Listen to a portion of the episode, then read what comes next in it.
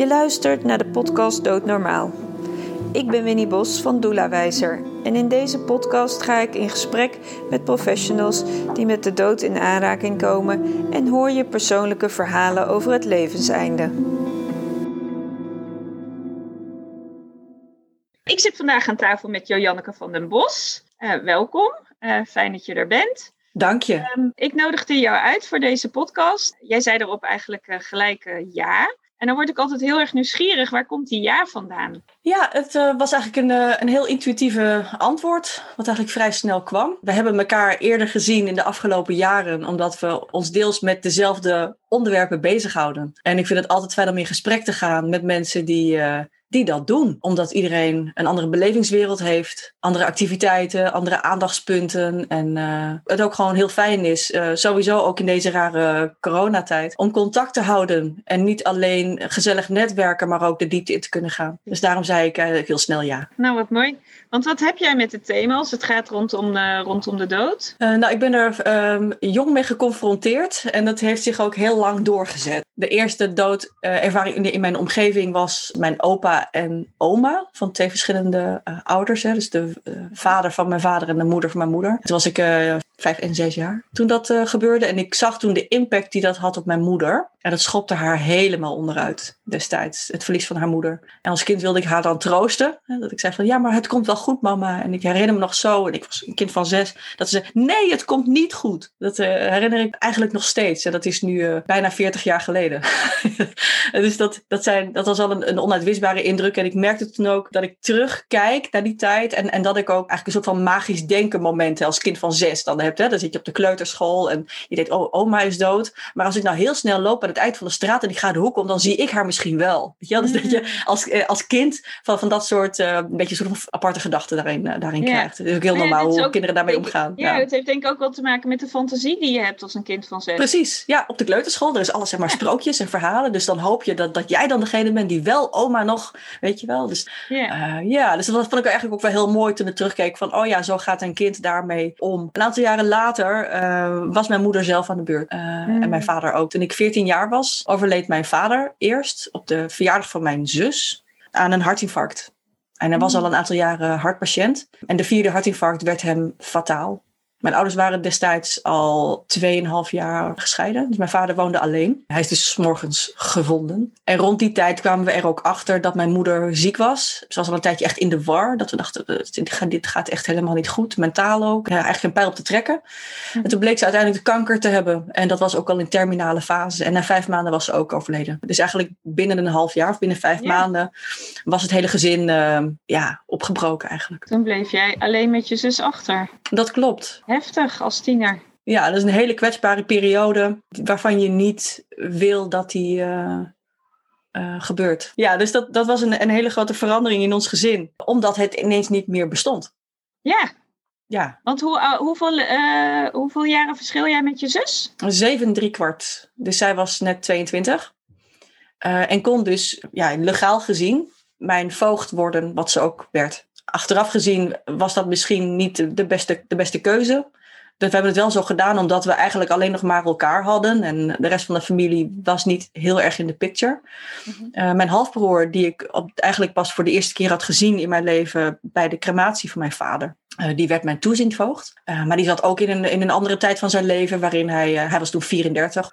En hij was ook bijna vader. He, dus hij had een, gezin in de making. Dus uh, hij had dan ook een andere levensfase en kon het er niet bij hebben dat er nog een halfzus slash tiener, die hij eigenlijk nog nooit eerder echt had gezien, in zijn huis zou komen. Weet je wel. Dus in die zin was het gewoon op dat moment de meest praktische oplossing volgens ons, of dachten wij toen, om ons best te blijven doen om in het ouderlijk huis te blijven wonen. En mijn zus mijn voogd te laten maken. En konden jullie uh, in het ouderlijk huis blijven wonen? Dat was een, uh, een enorm ingewikkelde kwestie. Omdat het eigenlijk zo geregeld is in Nederland dat als degene op het huurcontract, want mijn ouders huurden uh, heel lang al, dat zij, als zij komen te overlijden, dan is dat recht om je woning over te laten gaan op je kind uh, niet vastgesteld. Het is, het is nu zeg maar geregeld dat die kinderen dan, of de nabestaanden, er binnen twee tot zes maanden, als een soort van coulance-regeling vinden ze dat dan nog, terwijl ik dat eigenlijk vrij hardvochtig vind, het huis moeten verlaten. En dan eigenlijk uh, maar moeten zien waar ze heen gaan. Dus zo, zo, is dat op dit moment geregeld. Nog steeds is dat zo. Voor mij was dat in 1990. Uh, en nog steeds is dat het geval. En daar, daar, strijden we momenteel ook heel hard voor om die regels te veranderen en er andere oplossingen in te vinden die gewoon barmhartiger zijn en ook rechtvaardiger. Maar hoe dan ook, we hebben dus uh, uiteindelijk, mijn zus en ik, ja, huilend op de stoep gestaan van die particuliere woningverhuurder. En toen mochten we uiteindelijk blijven wonen.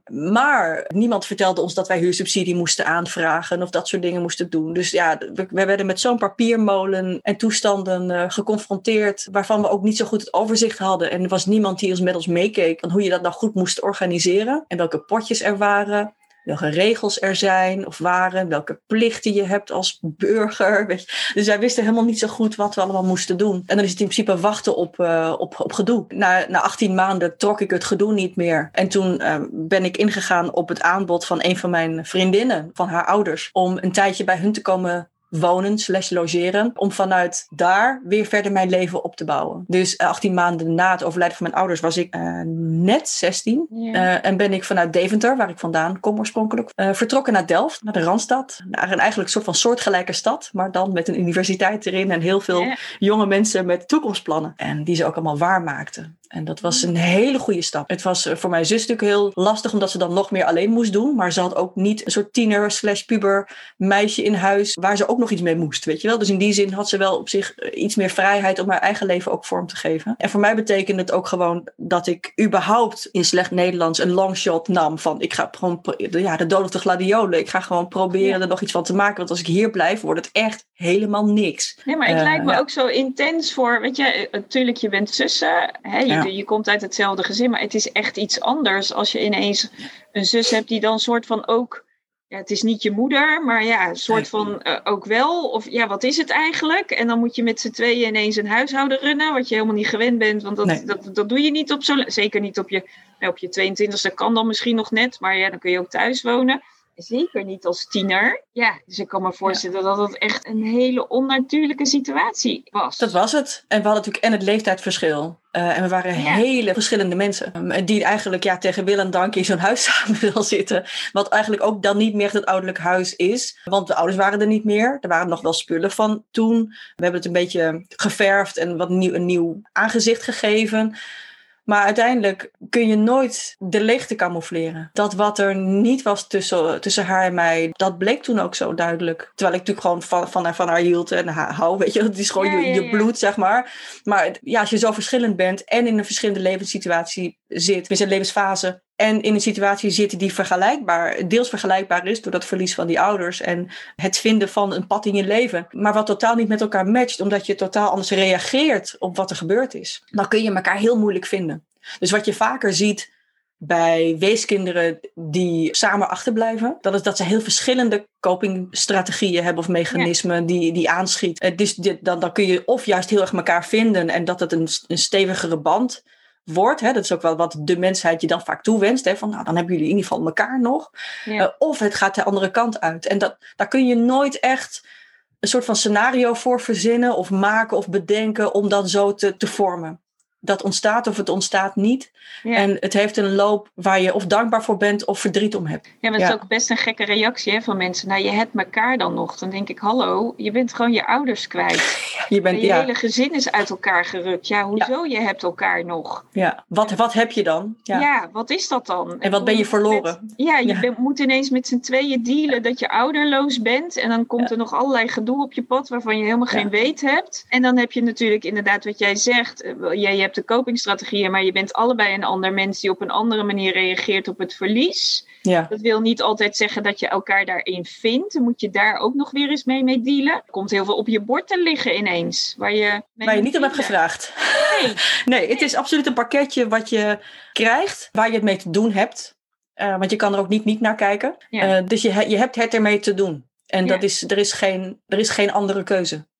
En, en, en, hoe deed jij dat dan, samen met je zus? Hoe deden jullie dat met z'n tweeën? Nauwelijks. Ik vluchtte meestal naar die goede vriendin eh, destijds ook, die mij later ook hadden aangeboden om uh, een kamer bij hun uh, mm-hmm. te betrekken voor een aantal maanden. dus ik ging meestal in het, in, in het, door de week naar school. in het weekend ging ik dan meestal op vrijdagmiddag, vrijdagavond naar Eindhoven, waar die goede vriendin van mij woonde. Dan ging ik zeg maar zegeltjes van de Albert Heijn bij elkaar sparen om een treinkaartje te kopen. Om daar naartoe te gaan. Dan ga ik, kwam ik zondagavond weer terug en dan ging ik maandag weer naar school. En mijn zus die, die werkte door de week. En die was dan soms uh, in het weekend thuis. Dus wij leefden een beetje langs elkaar heen. En zagen elkaar af en toe, meestal op de vrijdagavond. Of toch door de week eventjes als ze toch door de week thuis was. Of, ja, maar dat, dat, dat, was, het was niet een soort van vast patroon van uh, rust, reinheid, regelmaat. En iedere dag om zes uur eten en zo. Nee, dat was allemaal niet aan de hand. Het was echt een soort van huishouden van Jan Steen. Pippi Langkous, pannenkoeken bakken in de nacht en ijstaarten eten. Wil je ook nog wat eten? Moeten we nog patat halen? Dat was een beetje het, uh, het scenario wat het was. Dat, dat, is, dat is niet zo handig als er van je verwacht wordt dat je gaat kijken naar de toekomst en gaat toewerken naar een eindexamen en gaat bedenken wat je later wil worden. Ja, want dat was een beetje de fase waar je in zat. Dat is wat mensen van je verwachten. En dan gaan ze kijken naar je schoolrapporten. En ik herinner me nog heel goed dat toen ik terugkwam naar school, ik probeerde wel gewoon steeds naar school te gaan. En ik had iets van 2,5, 3 weken genomen om uh, even te wennen, zeg maar, aan de situatie. En toen de laatste bloemen ver, verwelkt waren van de laatste uitvaart, toen ben ik weer naar school gegaan. En af en toe dan trok ik het niet. Dan, dan sloeg ik een halve dag over. Om, uh, soms ook omdat ik uh, geconfronteerd werd met klasgenoten die, die niet geloofden dat mijn ouders dood waren en dat ik dat zei om aandacht te trekken. Oh, echt? Uh, ja, ik ben niet de enige die dat overkomt. Hè? Dus iets wat nog steeds gebeurt. Dat oh, mensen gewoon niet, ja, die geloven niet dat dat gebeurt en dat kinderen dan zomaar in huis achter kunnen blijven. Dat vinden ze zo'n broodje aap verhaal dat ze je op die manier ook gaan behandelen. En dat is niet standaard, maar het gebeurt wel. Dat is heel pijnlijk. En als je daarmee yeah. wordt geconfronteerd, een beetje wordt gepest op school, zeg maar, daarom van, oh, die wil aandacht trekken, dan is dat eigenlijk een extra trap na, terwijl je eigenlijk ook nog eens een keer de energierekening moet betalen. Weet je wel? Ja, dus, dus het is een hele, hele vreemde situatie waar je in zit, die je eigenlijk niet kan uitleggen als het je niet overkomt. Het is een beetje, en dat klinkt ontzettend gek, en ik hoop echt dat jij of luisteraars dit niet verkeerd oppakken, want ik bedoel het echt uh, goed, zeg maar. Wat ons als wereld is gebeurd afgelopen jaar, dat je denkt van, dit had ik nooit aan, mijn, aan mijzelf van 2019 uit kunnen leggen, maar het is wel de realiteit waar ik in zit. En ja. die kan er niet uit. He, dat, is, dat is precies hoe het is. Alleen het grote verschil is, en nogmaals, ik bedoel het niet verkeerd, dat is dat deze pandemie beleeft iedereen heel bewust, natuurlijk op zijn eigen manier en in zijn eigen situatie, die wel privileged is met een baan of niet. Weet je wel, iedereen heeft, het zijn allemaal verschillende kleuren, ervaringen in en ook schrijnende situaties en nou ja, wat meer uh, van het kaliber van ik vind het zo jammer dat ik, dat, dat ik nu niet naar Tahiti kan in de herfstvakantie, weet je wel. Dus ja. dat, de, de verschillende varianten, dat kun je met de wereld samen beleven. Wees, ja. Maar wees worden niet. Jij bent de enige die op dat moment in die pandemie zit, zeg maar. En dat je denkt, mijn hele wereld is anders. En iedereen om je heen doet, doet alsof, of ervaren, alsof de wereld gewoon normaal doorgaat. En dat, dat is een extreem eenzame ervaring. Hoe, hoe heeft, ik kan me helemaal voorstellen dat het heel eenzaam is. Want niemand, ja. je kunt niemand uitleggen hoe dat is. Nee. Heeft jouw school bijvoorbeeld daarop gereageerd? Hoe gingen zij daarmee om? Verzachtende omstandigheid is dat het 1990 was. Ja. Het is niet vandaag. Dus ik hoop dat er vandaag ook andere scenario's zijn. Ja. Ik weet dat zij het naar hun eer en geweten goed hebben proberen te doen. Daar doe ik niks aan af. Maar de uit, uitvoering daarvan was een beetje medium, als ik het zo mag zeggen. Ik had bijvoorbeeld les, mentorles. Mijn wiskundeleraar was, mijn, was onze klassendocent. Tijdens een van die uurtjes waar je het dan zeg maar met de klas samen bent en het over dat soort dingen hebt, uh, werd ik weggeroepen naar de rector. En ik was meteen bang van heb ik iets verkeerds gedaan. Ik wist al natuurlijk dat mijn ouders dood waren, maar mijn klasgenoten wisten dat nog niet. En ik werd weggeroepen naar de rector. Zo van ja, je moet even bij hem komen. Dus ik ging daar naartoe. Toen zat ik daar en dacht, nou, wat heb ik gedaan? Weet je wel, zeg het maar. Bij Corvée, uh, wat? Weet je? Dus je voelt je helemaal geïntimideerd. Ja, dat is, maar dat is ook een hele normale tienerreactie. Ja, van ik heb vast wat verkeerd gedaan. Ik weet niet Ja. wat, maar het is vast mijn schuld. Ja. Ja. dat, dat, Ja. eh, je bent op school en de rector die zie je alleen maar als het slecht nieuws is. En eh, dat was op een manier ook. Hij zei, ja, je bent eigenlijk met een smoesje weggeroepen. Want je klasleraar, die, gaat, die is nu aan je klasgenoot aan het vertellen dat je ouders zijn overleden. En dat ze je een beetje met rust moeten laten. En dat ze niet te veel tegen je moeten zeggen. En, en toen dacht ik, had, had ik daar zelf wat over mogen zeggen? hoe ik wil dat het bespreekbaar zou worden gemaakt. Nee, wij vinden dat het belangrijk is dat, uh, dat mensen dat zo doen. Ik zeg, ja, maar dit is mijn leven en het zijn mijn dode ouders. Dit is de keuze die we hebben gemaakt en je gaat nu terug naar je klas. En uh, nou ja, dan uh, weten ze dat. En dan denk ik, dan hoop ik dat anno 2021 er meer een situatie komt dat je in een Zoom-call met z'n allen zegt yeah, dan, yeah. jongens, we hebben slecht nieuws. De ouders van Pietje Puk zijn overleden en dat raakt ons allen heel diep. Pietje Puk vindt het een beetje om logische redenen moeilijk om hierover te praten. Laten we hem of haar heel welkom laten voelen. Yeah. En zelf vertellen wat hij wil. We gaan hem niet voor het blok zetten. Maar weet dat dit wel een onomkeerbare situatie in het leven is. Dus ja, onzie hem. Uh, en ja, hij, is, hij of zij is niet zielig, maar heeft wel iets onomkeerbaars meegemaakt. En we begrijpen allemaal dat dit voor jullie een heel raar onderwerp is. En dat je je niet zo goed kan voorstellen. Uh, misschien heb je wel eens een keer nou, je hamster verloren, of een oma of een oom bijvoorbeeld. Zoiets is het alleen dan nog dichterbij en het gaat nooit meer weg. Weet dat het een heel moeilijk onderwerp is en als je hierover wil praten, individueel, gewoon alleen met, met, met, met mij als klassendocent, kom dan vooral naar me toe. Ik ga, ga zelf ook bij jullie inchecken hoe het met je gaat en wat dit bericht met je doet. En doe alsjeblieft normaal tegen Pietje Puk, want hij is nog net zo normaal als gisteren. Ja. Ja, hij heeft alleen iets heftigs meegemaakt, wat aanwezig is. Precies. En dus als maar Pietje Puk een beetje kort lastig, aangebonden hè? is. Ja, maar dat, dat, het, wordt, er wordt zo spastisch over gedaan. Omdat iedereen bang is voor de dood. Is ook een beetje bang dat het ook nog een soort van besmettelijk is. Dus loopt er een beetje omheen. Terwijl in andere, in andere culturen, bijvoorbeeld in Ierland, als daar iemand doodgaat, dan duurt een uitvaart ongeveer een week. Ja. Dit is geen grap. Ik heb het meegemaakt. Een van mijn vrienden is daar overleden uh, een aantal jaar geleden. En ik ging naar Ierland toe. En dan moet je voorstellen dat de hele wijk langskomt met overschalen. Van, je hoeft niet zelf te koken. Die wordt gewoon geregeld. En de hele dag heb je de inloop van mensen die gewoon uh, even een verhaal komen delen. Of het leven van de overledene met jou vieren. Met drank tot diep in de dag. De goede verhalen, huilen en lachen en alles tegelijk. En dan heb je een uitvaart. En dan heb je nog een naslip van drie dagen dat mensen ook nog eens een keer langzaam je huid gaan verlaten. Nog met overschalen. Het wordt geïntegreerd in dat leven. En in Nederland is het koffiecake opzouten. In principe bij de uitvaart, als ik het zo mag zeggen. Ik vind het wel mooi gezegd. Koffiecake oh. opzouten. Ja, en ja, de volgende, weet je wel. En door. En daarna dan photoshoppen we het snel weer weg. En dan heb je nog een kaart gestuurd. En dan weet je niet wat je erop moet zetten. Weet je, het is totaal spastisch. Heel klinisch gebeuren. Terwijl je denkt, iedereen wordt geboren. Dat is een hele bloederige situatie. En dan ga je dood is een elektrische situatie. Dat is gewoon wat het leven is. En ertussenin betaal je belasting en je doet je werk en je wil nuttig zijn, zeg maar. En dat, dat, is, dat is je leven. Dus het hoort er allemaal bij. Dus waarom doen we hier zo spastisch over? Waarom? Dat is dat, hè? Kijk, ik heb ooit, uh, ik heb ooit het norovirus uh, gehad. En dat, dat kun je gewoon overkomen. Het is gewoon niet leuk. Er heeft iemand uh, op een deurknop vastgehouden die toevallig zijn handen niet goed heeft gewassen. En ik ben daar ziek van geworden. Dan droog je dus binnen 24 uur ongeveer uit. En als je uitdroogt, ga je heel snel dood. Weet je wel?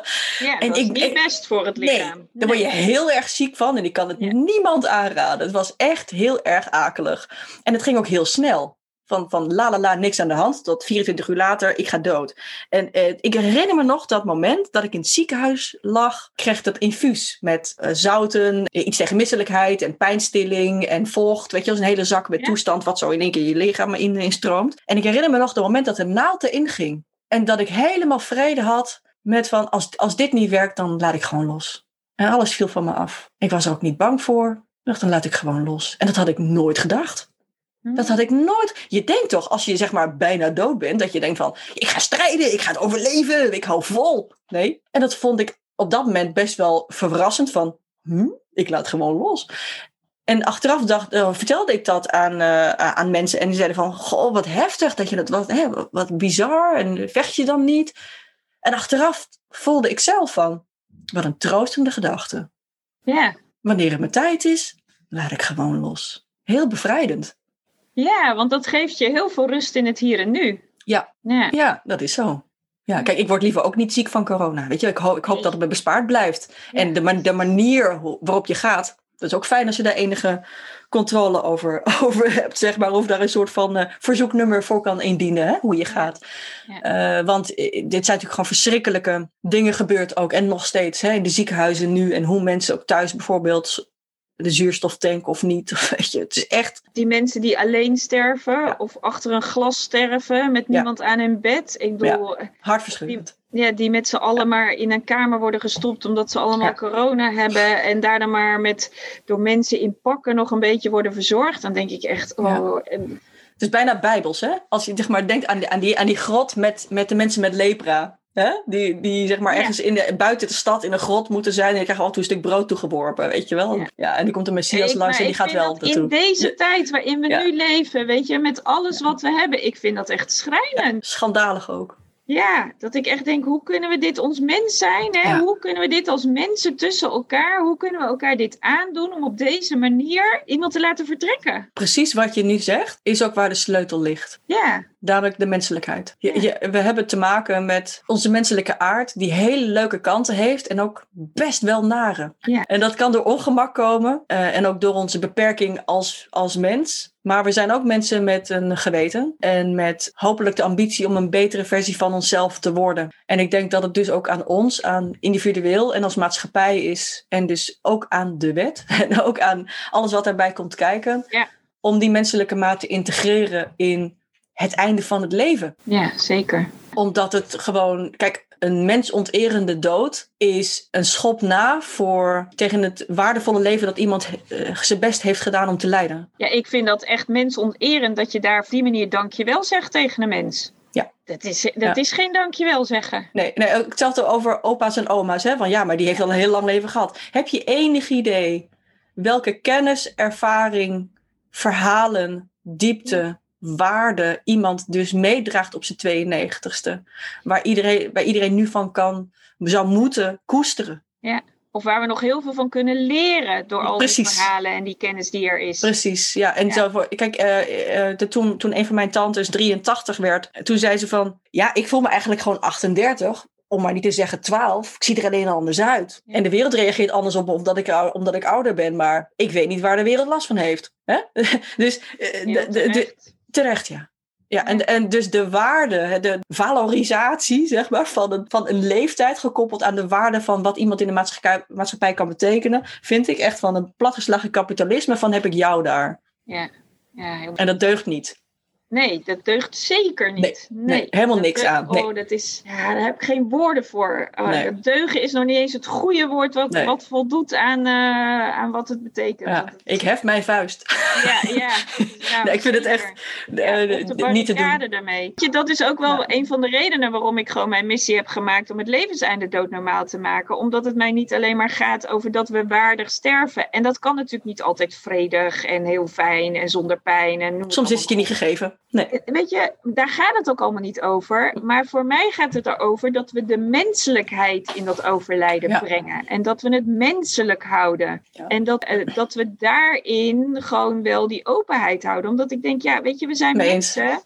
En we moeten gewoon als mensen met elkaar omgaan. Ja, en je sterft ook als mens. dus hebt- ja, hetzelfde dat jij nu je heel erg inzet voor het feit wat jij hebt ervaren rondom dat wees zijn en dat wees worden. Wat in de dag van vandaag nog steeds schrijnende situaties met zich meebrengt. Ja, ja, dat klopt. Ja, Ja. het is heel belangrijk om dat, om dat sterven een deel te laten zijn van het, van het leven in de conversaties die we erover hebben, in de regels die erover zijn, de manier waarop we met elkaar omgaan in, de- in, in deze en elkaar ook helpen op het moment als, als iemand sterft. Om, eh, dat we elkaar helpen om, om te gaan, eh, eh, om, te, om te dealen met, of om te gaan met de omstandigheden die, die, die daar omheen zaten. Omdat, dat, omdat die omstandigheden van dat sterven vaak ook een factor zijn bij nabestaanden.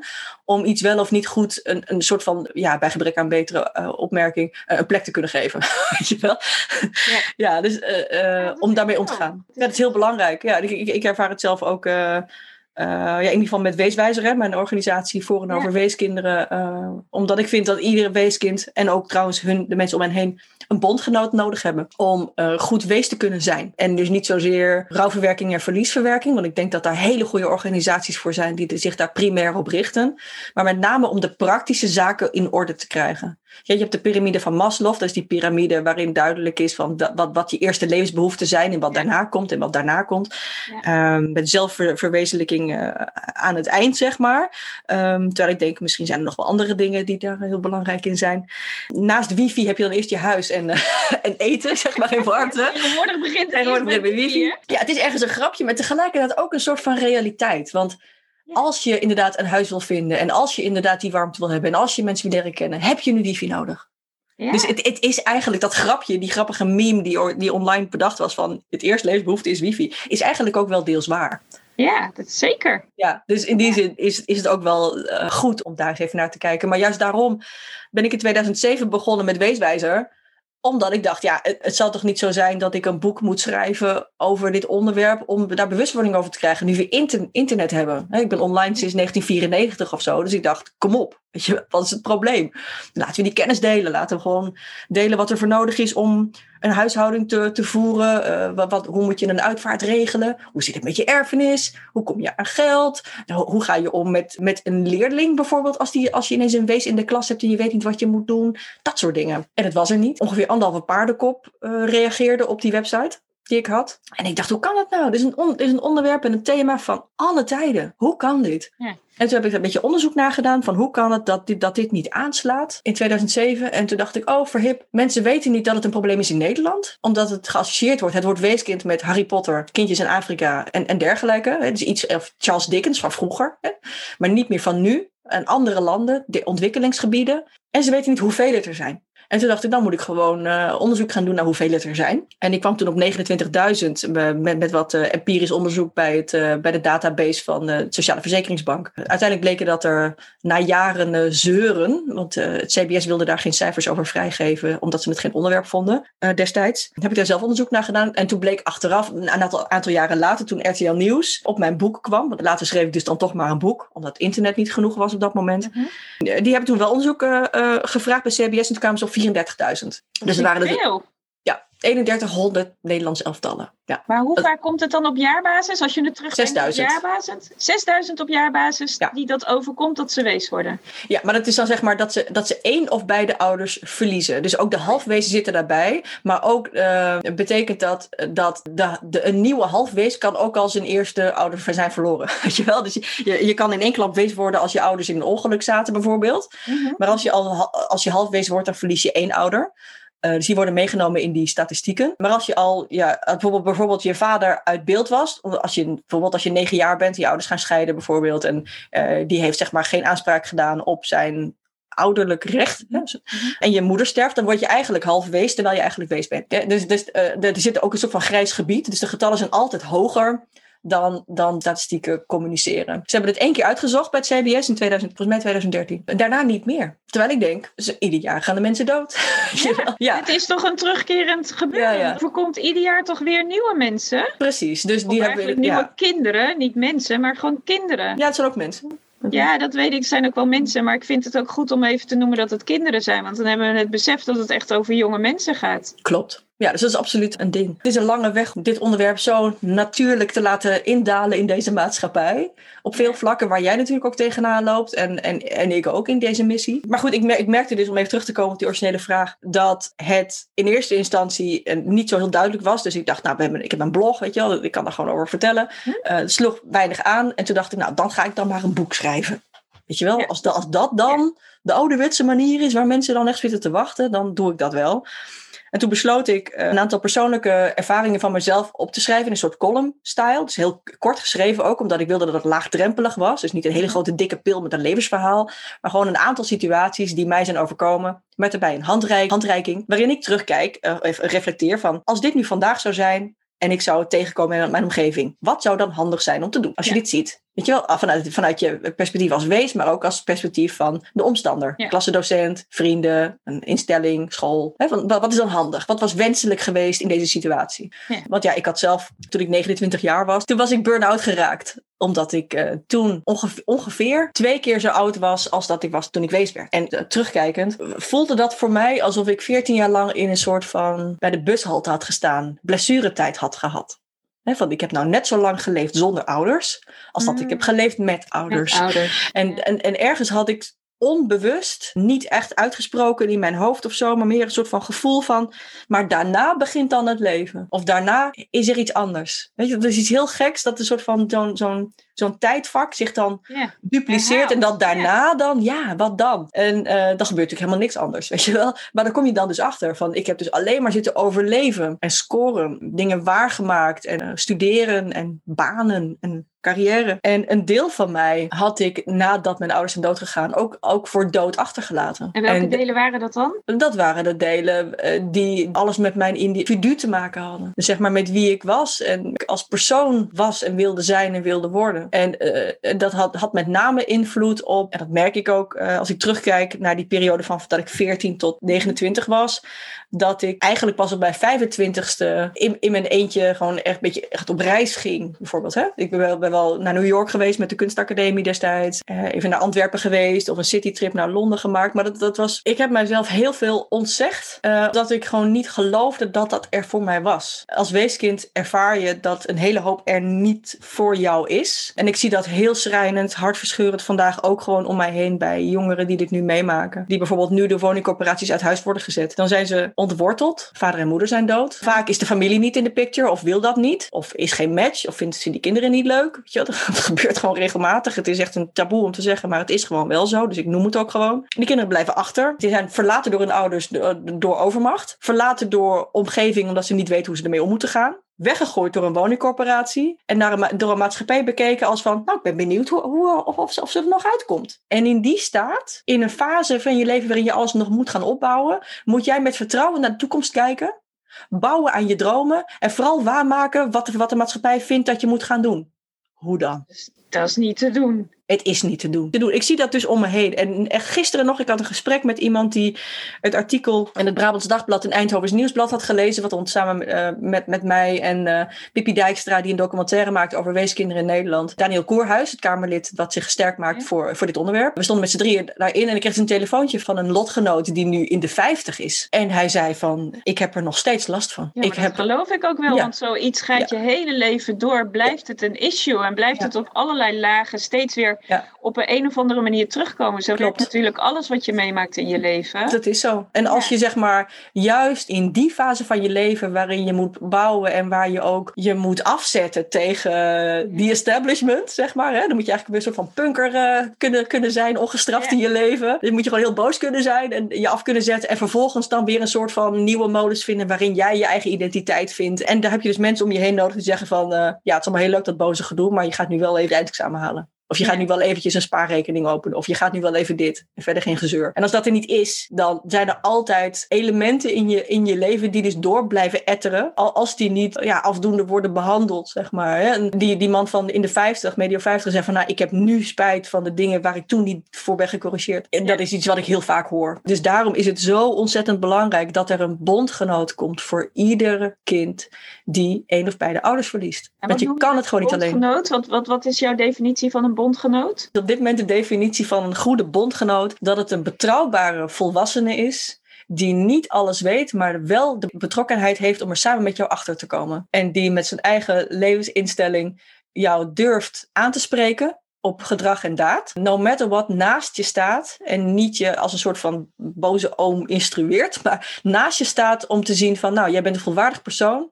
En ik ga samen met jou kijken hoe jij het over een tijdje alleen kan doen en vooral na, naar mij terug kan zwaaien. Dat, dat is mijn definitie van een bondgenoot. Je hoeft niet alles te weten, maar je moet er wel samen achter willen komen. Ja, of samen willen denken van, we weten dit allebei niet, we bellen Henk, want die weet het wel. Dat is een bondgenoot. Ja, en wat, wat ik wel mooi vind aan wat jij schetst met die persoon van 50 die dan contact met jou opneemt, hoe ja. ongelooflijk belangrijk het is dat dit onderwerp blijft worden aangesneden. Ja. Dat het ja. herhaald wordt, dat het zichtbaarheid houdt. Het is echt, uh, echt heel erg nodig. En dat is ook de reden waarom het zo belangrijk is dat er, dat er zo vaak, dat, dat het herhaald wordt, is dat het een onzichtbaar onderwerp is. Maar ik heb een TEDx-talk gegeven over dit onderwerp in 2000 2015. En die is niet zo heel vaak bekeken. En dat komt omdat het gewoon echt de meest slechte titel heeft van zoekmachine optimalisatie in de wereld.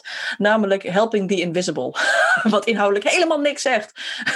Oh, maar, dat zegt helemaal niks over Helemaal niks. Nee, nee, nee, ik had er ook helaas geen macht over de titelgeving. Over mijn eigen TEDx-talk waar ik negen maanden aan had gewerkt. Dus dat was mijn eigen frustratie. Maar goed, de titel zegt dus niks. Dus daarom scoort hij niet heel hoog. Maar de inhoud ervan vind ik nog steeds. Daar sta ik echt als een blok achter. Maar de titel illustreert ook ironisch genoeg precies het, het probleem.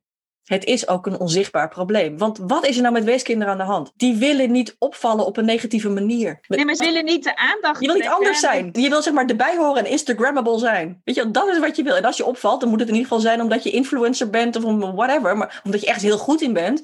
Maar niet omdat je, tussen aanhalingstekens, zielig bent. Hashtag zielig. Wil niemand. Ben je ook niet. Je bent ook niet zielig. Je hebt alleen wel iets meegemaakt wat een mega impact op je leven maakt. En je hebt die support nodig om wat van je leven te maken. Omdat je anders gewoon cruciale dingen mist. En die zijn je afgenomen. Die kans is je afgenomen. Dan kun je zeg maar gaan kniezen in een hoekje en een slachtoffer uh, worden. Dat, dat gebeurt als mensen helemaal niks zeggen en denken: hey, misschien overleef ik het wel. Ik zie wel. Het is er allemaal niet voor mij weggelegd. Ja. Denk ook heel veel mensen. Heb ik ook gedacht. Uh, of je kan zeg maar het van de toren blazen. Er zijn ook mensen nu die is dat verschrikkelijk knap en mooi dat ze het doen. Jongeren die inderdaad uit huis worden geknald en de media opzoeken. Wat Heel is ook goed als ze dat doen. Nou, ja en nee. Het is een combinatie, want het wordt er door de media natuurlijk niet altijd even zoals het zou eigenlijk zou moeten dan de wereld ingezet. Dat is tegen ja. ze gaan werken. Klopt. Uh, en nog één stap daarvoor. Waarom is dit in Nederlands in vredesnaam nodig dat een weeskind zijn eigen privacy te grabbel moet gooien en zijn meest kwetsbare situatie in de media moet gooien om maar enige vorm van gerechtigheid te krijgen? Dat is het probleem. Kijk, en hoe de media dan ermee omgaan en hoe dat dan wordt gebracht, dat is een tweede verhaal. Wat mij betreft ben ik zo dankbaar voor dat artikel van Arno Heesakkers in het Brabants Dagblad en, de Eindhovens Nieuwsblad. Is het zo belangrijk dat dit wordt geadresseerd als niet het zoveelste zielige verhaal van Sammy Joe of Annika of Milo of uh, een van al die andere kinderen die deze, dit jaar de media heeft opgezocht omdat ze uit huis worden geschopt. Of Sembra, die toevallig gewonnen heeft uh, bij, in de rechtszaal, maar het merendeel wint niet. Dat dit artikel een keer niet ging om, die, om zo'n individueel geval wat je hart grijpt, maar juist ging over het structurele van dit probleem. Want dit gebeurt echt al, nou in ieder geval 30 jaar, want voor mij is het ja. 31 jaar geleden. Ja, en de man die gisteren belde, ja, de, die, die was 56, of die, die zat in 1979 en 1981 overkomen.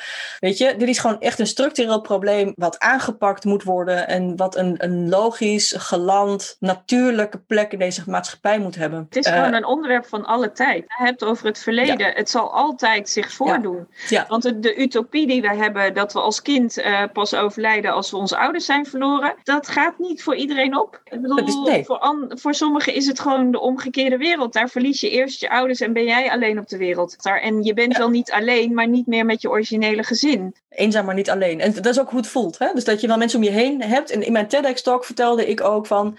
Het voelt alsof je aan het koorddansen bent voor de eerste keer. Als je wees wordt. Dan zit je bovenin in het circus tent. Een hele grote ronde arena.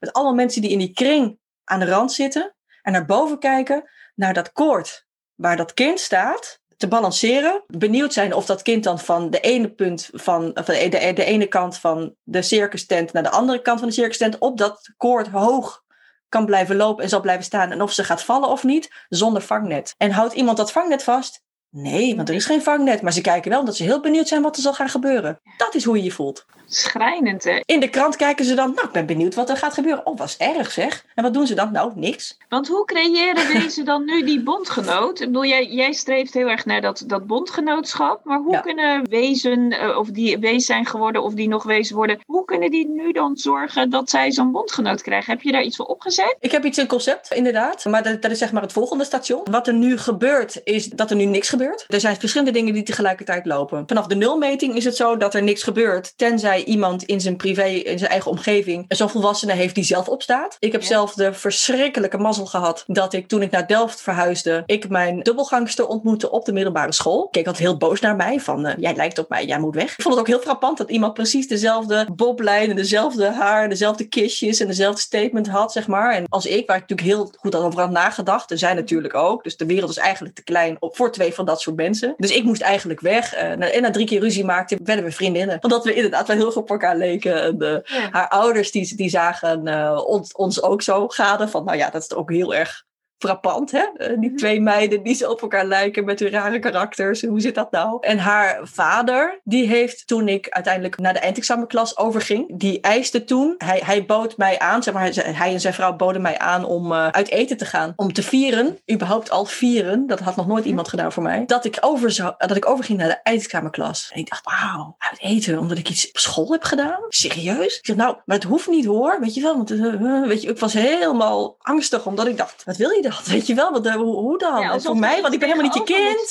Ja. Ja, het is heel transactioneel, zeg maar. Hè? Want, eh, een soort van, de, de bank van het leven kwam bij mij op van, eh, ja, voor wat hoort wat. En als kind krijg je, als weeskind krijg je niks. Dus wat willen die mensen van mij? Hij zei, ik verwacht maar één ding. Dat jij laat zien hoe je woont. En dat eerste gezin waar ik had gezeten bij die vriendin, die hadden na acht maanden gezegd van, we zijn hier wel klaar mee. Want onze dochter wil ook op een gegeven moment op kamers gaan. En jullie hebben af en toe ruzie. Dus we vinden eigenlijk dat je gewoon op kamers moet gaan. Dus ik stond eigenlijk snel op straat. Toen een kamer gezocht. En ik kwam terecht in een kamertje boven een shawarma tent. Die niet op slot kon. Met allemaal eh, jonge Egyptische mannen die, die zo'n meisje van 16 best wel leuk vonden.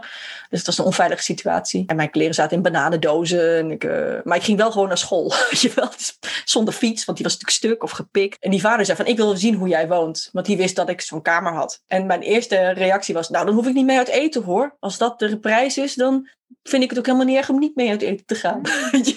Dus ik schaamde me daar ook voor. En ik, tegelijkertijd had ik ook trots van, nou, ik heb wel een scharrige rotkamer, maar het is wel mijn scharrige rotkamer. Hup, die, die auto in. Hij zegt, ik kan me niet schelen wat je zegt. Ik ga gewoon kijken hoe je woont. Ik zeg, maar dat wil ik niet. Dus hij ging kijken en hij zag dat. Hij zegt, ik zie hier twee goede dingen in deze kamer. Of drie. Eén is jij. En de tweede is je tandenborstel. En de derde is nog een tas. In de auto nu. Wauw, Ja. wat een kanjer. Ja, is heel bijzonder. Ja. Het raakt je nog steeds. ja, ik heb dit verhaal toch echt heel erg vaak verteld. Waarom raakt mij dat nu op dit moment zo? Tijdens mijn TEDx-talk, dat, dat was ook waarom het zo'n... Ik bedoel, sowieso een TEDx-talk geven is gewoon heel erg moeilijk. Daar kan Ja. ik heel ingewikkeld over doen, of heel simpel, of heel blasé. Maar het is gewoon hartstikke moeilijk. Ik was al elf jaar spreker, maar het was een hele andere situatie. Je moet je houden aan een format. En het is 1200 mensen in zo'n arena, zo'n zaal van de TU Ja. Delft. De zes camera's en live YouTube en forever eh, online En op die rode stip blijven staan.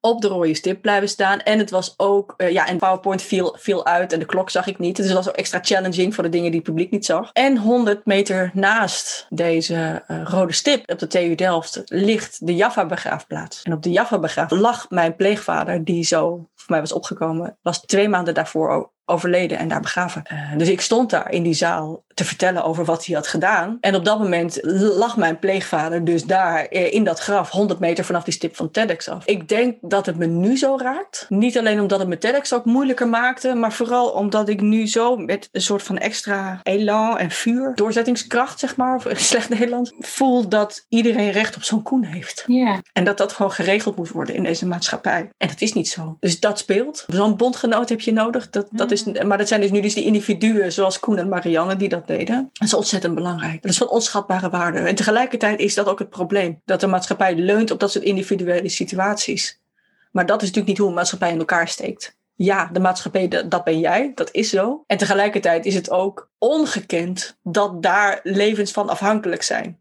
Want als ik die mensen niet was tegengekomen, als ik niet mijn dubbelgangster op school had tegengekomen, dan was ik gewoon aan de haaien overgeleverd in die shawarma tent met die Egyptenaren. Dat is de realiteit. En dat is ook de realiteit die vandaag voor heel veel jongeren nu geldt. Dus ik, ik kan er niet mee leven. Dus ik maak mij daar verschrikkelijk hard voor om dit beter te organiseren. En als daar wetten moet voor, voor, voor moeten veranderen, dan is dat verdorie maar zo. Is heel simpel. Er was gisteren is er ook een wet veranderd. Nou, tijd voor de volgende. Ja. Het is heel simpel. Dus dat is één. Dat wat er nu gedaan is, is afhankelijk van individuele situaties. Ik merk bijvoorbeeld dat Annika, dat meisje dat, dat afgelopen jaar wees werd, is, ze heeft ook in de krant verteld over dat zij het huis uit moest en dat de woningcorporatie haar eruit schopte. Hebben ze uiteindelijk ook gedaan. En toen was er een, een man op leeftijd, die had ergens nog een, hu- een huisje eh, in zijn eigendom en heeft haar aangeboden om daar te gaan wonen. En dat heeft ze gedaan, waardoor ze inderdaad gewoon op dat moment opgevangen was. Dat is fantastisch natuurlijk. Dus, maar de wereld denkt dan, wat goed dat deze mensen er zijn. En dan denk ik, wat verschrikkelijk dat het nodig is. Ja. Dit is iets wat gewoon structureel onacceptabel is. Dat je kinderen eh, in de situatie zet dat ze en hun verhaal zou moeten delen. En dat je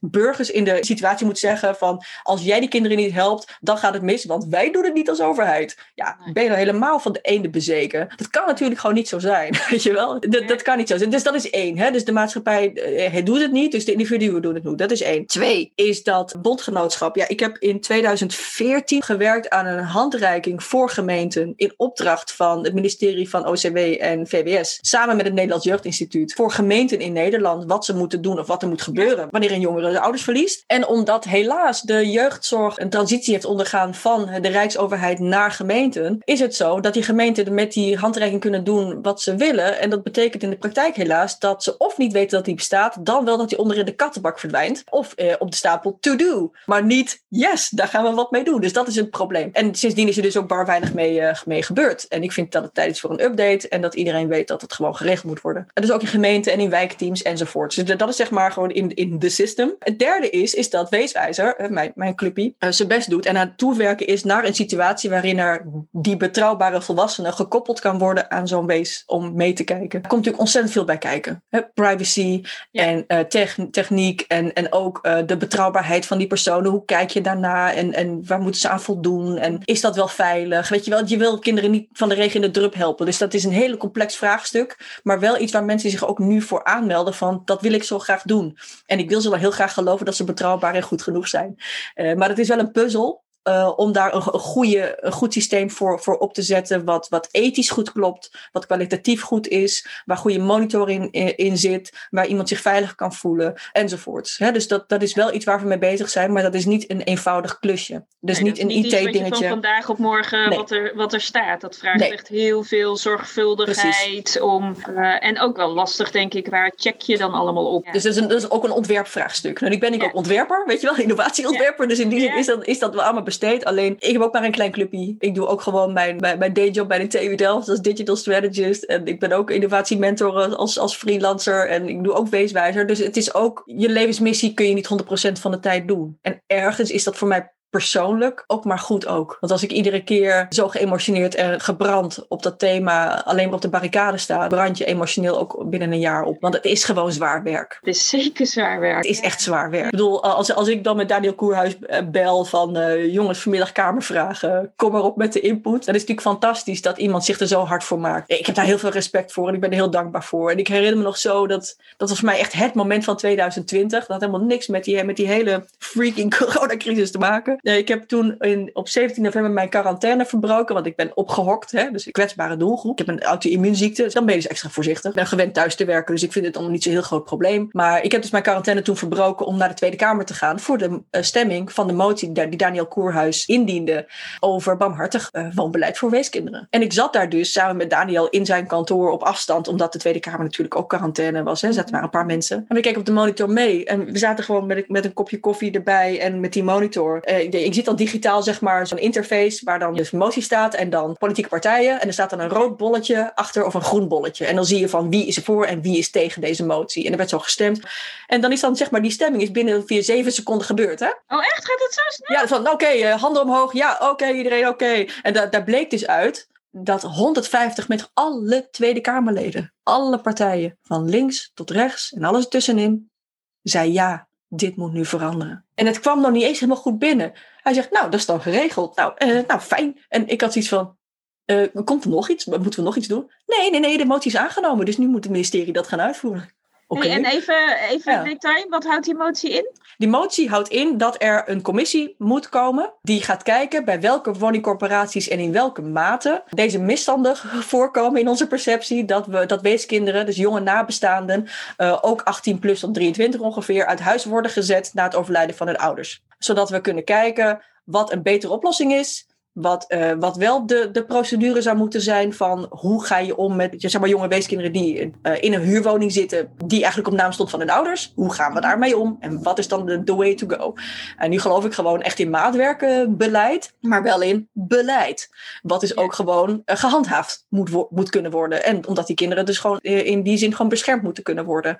En de ene weeskind, weeskind is de andere niet. Annika bijvoorbeeld wilde absoluut niet in het huis blijven zitten, omdat ze continu eigenlijk een soort van herbeleving had van het beeld van haar moeder die dood in de huiskamer lag. Ja, snap ik. Weet je wel, dat het ja. voor haar, in mijn geval waren mijn ouders niet in, in huis overleden. Dus was dat weer een ander verhaal.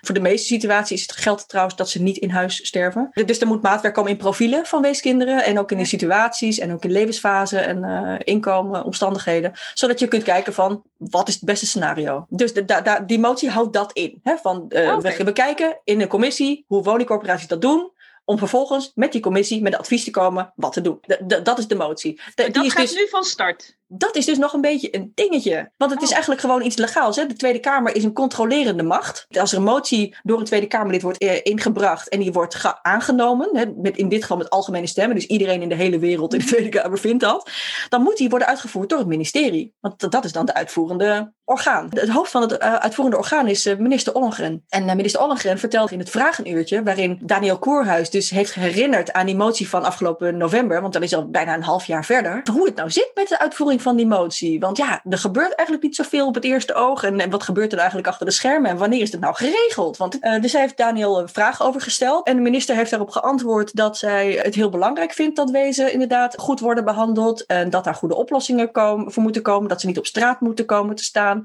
Dat ze naar maatwerk wil kijken. Maar tegelijkertijd dat zij niet gaat handhaven. En dat zij niet eh, woningcorporaties wil verplichten tot het, tot het uitvoeren van barmhartig woonbeleid. En daarop wil handhaven. En dat betekent dus ook dat ze zich eigenlijk niet helemaal aan de motie houdt. Wat volgens mij een beetje tegen de wet is, wat ze nu doet. Wat ze eigenlijk moet doen, hè, wat in de motie staat. Ja. Dat is, richt een commissie op die dat controleert. Maar wat er nu ontstaat is een expertgroep waarin de woningcorporaties zitten. En ik als weeswijzer en andere partijen om te gaan praten over wat een betere oplossing zou kunnen zijn. Maar dan zit je eigenlijk in een groep met de daders. Dus de motie mag, wordt... je, mag je dan als minister zomaar een ander pad kiezen? Ondanks dat er een volledig Ja, ze doet het wel. gezegd tegen die motie. Ze doet het wel en ik vind het eigenlijk niet helemaal de bedoeling. Dus ik verbaas me er eigenlijk gewoon over dat dit op deze manier zo gaat. Terecht dat Weeswijzer in zo'n groep zit om, daarover, om dat, Ja. over dat onderwerp te praten. Omdat Weeswijzer de enige organisatie in Nederland is die zich überhaupt primair en alleen op weeskinderen richt. Maar ik vind het wonderlijk dat in de motie staat van er moet een commissie komen, dat er dan geen commissie komt. Dat is toch gewoon eigenlijk niet uitvoeren van wat er staat. Dus ja, ik ben ook heel Er is benieuwd hoe... niemand in de Tweede Kamer die tegen haar zegt: hé, hey, ho, wacht eens even, maar september, eh, daar zeiden we dit. Koorhuis heeft dat inderdaad wel, wel gezegd. Eh, van nou, Ja? dit was helemaal niet helemaal de bedoeling. Hij zei, ja, ik ben niet bereid om daar wat dwingend te handelen. Dus ja, dan is het eh, aan Daniel om een volgende stap te zetten. Of andere mensen, ook eh, Caroline van BBB, die partij, die heeft ook gezegd van, dit kan niet zo zijn. Dus die heeft daar ook haar eigen reactie op gegeven van, het kan niet zo zijn dat, dat welk weeskind dan ook op straat komt te staan. Dat mag dan absoluut niet gebeuren en dat moeten we gewoon regelen. En heeft ze gelijk in. Draagvlak genoeg, want 150 mensen vinden dat. Alleen de minister doet iets Maar, anders. nou snap ik ook wel, als ik jou ook hoor zeggen, hoe lang het dan soms duurt voordat dingen gewoon georganiseerd worden. Want ja, als dit dan, Ja. eh, het is no- eh, eh, no- november afgesproken, het is nu april, er is nog niks gebeurd, Ja. dan besluiten ze een ander pad te kiezen, wat dan schijnbaar mag. Waarvan ik dan denk, huh, nou ja, oké, laten we even los. Maar dan is er in een half jaar tijd is er nog geen bal gedaan, terwijl er al een heleboel georganiseerd had kunnen worden als je het gewoon gelijk had op kunnen pakken. En weer meer kinderen die op straat staan. Ja, nou, in al die tijd. tussentijd blijft het gewoon doorgaan zoals het Ja, gaat. alleen de bedoeling is wel op zich de intentie van de minister, waar ik dan wel weer eh, blij mee ben, en ook van Daniel uiteraard, dat dit voor de zomer ge gecheft is. Er zijn een hele hoop weeskinderen die worden uitgezet en vervolgens zo geïntimideerd zijn door zo'n brief van de woningcorporatie. En eieren voor hun geld kiezen en gewoon uit pure angst Ja. niet naar de rechter gaan. Je mag naar de kinderrechter gaan, dat is één. Want als, als, je mag geen advocaat inhuren als je nog geen 18 bent. Dat maakt het ook heel ingewikkeld. Dus dat, dan kies je meteen eieren voor je geld, omdat je toch nergens recht op hebt. Wat helaas zo is. Als je 18 bent, dan heb je dus een periode van zes maanden. waarin je naar de, bij de rechter toestemming mag vragen om jou bij te schrijven bij, op het huurcontract. Maar dat weet bijna niemand. En de woningcorporatie vertelt dat niet aan die weeskinderen van. Je ouders zijn dood, hartstikke lullig. Eh, niet om het een of ander, maar we willen, willen je uitzetten. Maar je hebt wel zes maanden tijd om bij de rechter te vragen om toestemming. En dat krijg je dan wel of niet, maar je hebt wel opties. Dat zeggen ze natuurlijk niet, omdat zij gewoon die woning beschikbaar willen stellen voor een gezin. Precies, ja, want zij hebben daar een ander voordeel belang. aan. eh, Ze hebben een ander belang. uit- Ik wil heel graag in de goedheid van de mens geloven, eh, vertrouwen en daar hoop in hebben. Terecht is om samen in zo'n expertgroep eh, tot oplossingen te komen. Ik maak deze dingen nu vanuit Weeswijze sinds 2007 mee. En ik heb meegemaakt dat een van de grootste woningcorporaties een half jaar lang procederen verder uiteindelijk misschien een kniebuiging deed. Maar het merendeel doet dat niet. Ze zijn er ook op gebrand om daarin te winnen. En zijn natuurlijk gewoon een arsenaal aan, juri- aan juristen die makkelijk tegen zo'n weeskind opstaan. Het is ook gewoon moeilijk om tegen zo'n macht op te staan. Dus je hebt de macht van de overheid. Je hebt de macht van de woningcorporaties. Je kan naar de woonbond stappen, maar dan moet je ook maar weten dat dat kan. En je kan naar de rechter stappen, maar dan moet je ook maar weten dat dat kan. Je moet ook de energie er maar voor hebben in zes maanden na- nadat je wees bent geworden en ook nog je leven moet opbouwen. Het is gewoon nogal veel gevraagd. Maar wat ik wel mooi vind aan dit hele verhaal, wat wij nu zo met z'n tweeën hebben, horen, Ja. ehm, is dat jij wel echt een kanjer bent in het volhouden, in de volharding, om waarvan jij ziet en voelt aan alles wat er nodig is, om daar wel gewoon je voor te blijven inzetten. En dat vind ik ook heel moedig, want het is ook niet altijd makkelijk. Op allerlei dagen word jij ook weer opnieuw in jouw verhaal geraakt en komen er allerlei lagen weer in jouw eigen geschiedenis weer terug, in het hier en nu, omdat je het steeds weer ziet herhalen. En dat heeft twee. eh, Dank je voor je mooie Het heeft ook, het heeft ook twee kanten. Wat je nu zegt, voor mij. Ja, het is, het is waar wat je zegt. Het, het is ook, je moet ook een beetje een terrier voor worden, zeg maar. Om het te, om het te kunnen volhouden. Ook emotioneel ook, zeg maar. En praktisch. En ook uit frustratie over de paarse krokodil. Eh millennials snappen deze grap niet. Ik zou zeggen, google it. Eh, wij wel. Ja, het heeft twee kanten. Enerzijds, ja, je, bent het, je moet de terrier zijn en je moet het volhouden. En ja, je wordt steeds geraakt in het verhaal. En ja, je kijkt dan ook terug van hoe was dat destijds. En dat maakt ook dat je extra gebrand bent om het goed te doen. Hè, voor anderen. Om, het niet, om in ieder geval voor anderen het minder traumatisch te laten uitpakken. Met minder impact. Dat hoop je gewoon heel erg. En dat is gewoon de reden dat je het doet. Aan de andere kant heeft het ook iets heiligs voor mij. Iets dat je nooit hebt uitgezocht. Dat je nooit als je verhaal zou kiezen. Dat krijg jij om daar vorm aan te geven in je leven. Doordat je het op die manier krijgt, dat het zo onafwendbaar is in je eigen leven. En dat je gezegend bent met enige vorm van geweten, dat je dit verhaal draagt. En je draagt je kruis daarin. Hè? Dat, is, dat heb je te doen. Dus je, ik kan wel de Janneke van social media zijn en de Janneke van innovatiementoring en de Janneke van eh, alle andere dingen waar ik in de media eh, jarenlang zeg maar een soort van staat van dienst in heb opgebouwd. Maar in de praktijk ben ik voor heel veel mensen de Janneke van de weeskinderen. En daarmee heb je af te rekenen met je ego omdat je liever de Janneke van Creative Innovation bent. Wat ik ook ben, waar ik ook heel goed in ben. Maar waar mensen me dan minder van kennen. Dus het verhaal zoekt jou. Ik denk dat iedereen, ik daar bijna niemand meer uit te leggen dat de wereld in je leven niet maakbaar is na COVID. Dat is gewoon zo. De wereld heeft schop gekregen. Nu weet je ook hoe dat is. Het verhaal kiest jou. En het is aan jou om. Kijk, ik heb me daar bijvoorbeeld in 2016 voor twee jaar lang van afgewend. Van Weeswijzer. Ook door persoonlijke omstandigheden. Er gebeurde van alles in mijn leven waardoor ik daar op dat moment geen ruimte voor had. Daar had ik ook spijt van achteraf. Hè. En dat is ook een hele mooie spijt. Ook een heilige spijt. Hè. Dat je terugkijkt van hoe heb ik nou om kunnen kijken. Van, nou, ik heb dat boek geschreven. Hè. Zo nu ben je wees. Ik heb die TEDx-talk gegeven. Ik heb Weeswijzer opgezet. Dus er is van alles. Dus ik heb gedaan wat ik kon doen met mijn talenten om dit te doen. Klaar nou. Weet je. Nu, nu, mag ik, nu ben ik aan de beurt. Ja, bullshit natuurlijk. Weet je wel, na twee jaar is, is pardon my friend. Dan begint het eigenlijk pas. Ik moet het inderdaad herhalen. En oh, dan moet de wet veranderen. En oh, dan, dan zijn er meer kinderen. En oh, nu, nu, nu we in de era of social media zijn, dat kinderen daadwerkelijk het verhaal nu gaan delen, komt het weer boven. En inderdaad, de boel is nog steeds niet geregeld. Dus nee, natuurlijk nee. Natuurlijk niet, Janneke. Jij hebt dit kruis te dragen. Dit is wat je, wat je moet doen. En dat is, uh, dat is een vloek en een zegen. Dus dat heeft twee kanten. Dus dank voor je mooie woorden van ja, je moet het volhouden en je, en je doet het maar mooi. Ook wel met mijn eigen missie. Ik bedoel, je kunt ja. wel een missie voor jezelf neerzetten, maar daar moet je zelf ook heel veel voor laten en incasseren en mee ja. dealen. En ja, daar heb je het ook maar gewoon mee te doen. En toch blijft ja. er, en dat merk ik ook aan jou en dat, die voel ik ook heel erg bij mezelf, het is wel een eenzame reis. Ja, dat is het en dat blijft het ook. Ja, en dat verandert ja. niet. Nee, dat is het verhaal wat jou gekozen heeft en dat heb je te dragen. Ja. En dat, dat is, dat is, dit is dus een, een, een heilige last, zeg maar. Dat je, je, je komt er ook niet vanaf. Ik moet daarin uh, zeg maar steeds een soort van balans vinden waarin, waarin dit een logische plek in mijn leven houdt. En dat het helemaal oké okay is. Iedere zegen een vloek heeft. Uh, want dat is, het, dat is ook zo. Je moet als, als wereldverbeteraar, zeg maar, moet je ervaren en, en accepteren dat de weg er naartoe niet glossy is. En dat je het ook moet hebben van de kleine momenten dat ze goed gaan. Kijk, en, en deze week was voor mij best wel een emotionele. Hè? We hebben zeg maar een deeltje van de wet weten te veranderen. Hè? Uh, het is niet zo dat mensen met een, met een koopwoning die, die doodgaan en die, die laten kinderen na, zeg maar. Dus die, die mogen ja. dat huis dan erven en hun, hun de, als, als die kinderen de belasting over dat huis, wat vaak nou, 10%, 11% van de waarde van het huis is. Nou, laten we het hebben over een huis van 3 ton. Dan moet je gewoon 33.000 euro betalen als kind in, in 12 maanden. Nou, dat lukt de meeste mensen niet, te, tenzij je gewoon hele rijke ouders had. Maar als dat niet zo is, dan zit je er maar mooi mee. Dan moet je als, je huis verkopen, omdat je de belasting niet kan betalen. Ja, insane natuurlijk. En dat is nu in de wet geregeld, dat dat nu niet hoeft. Uh, dat ze wel die belasting moeten betalen, maar renteloos en dan verdeeld op een heel, heel lange periode, dat er regelingen over kunnen worden getroffen, waardoor ze in ieder geval niet hun huis hoeven te verkopen en daarmee hun hele kapitaal uh, mm-hmm. moeten vergooien. Dus dat is heel fijn. Maar er moet natuurlijk gewoon veel meer gebeuren. Er is nog veel meer te doen. Kijk, ook in deze COVID-tijd zit ik natuurlijk ook alleen thuis. En dan, hoe vier je dat dan? Ik danste dan in mijn woon woonkamer op de muziek van The Clash. Weet je wel, van I fought the law and the law won. The law won eventjes niet. Weet je wel? dan vond ik wel een punkstar van ja, weet je wel.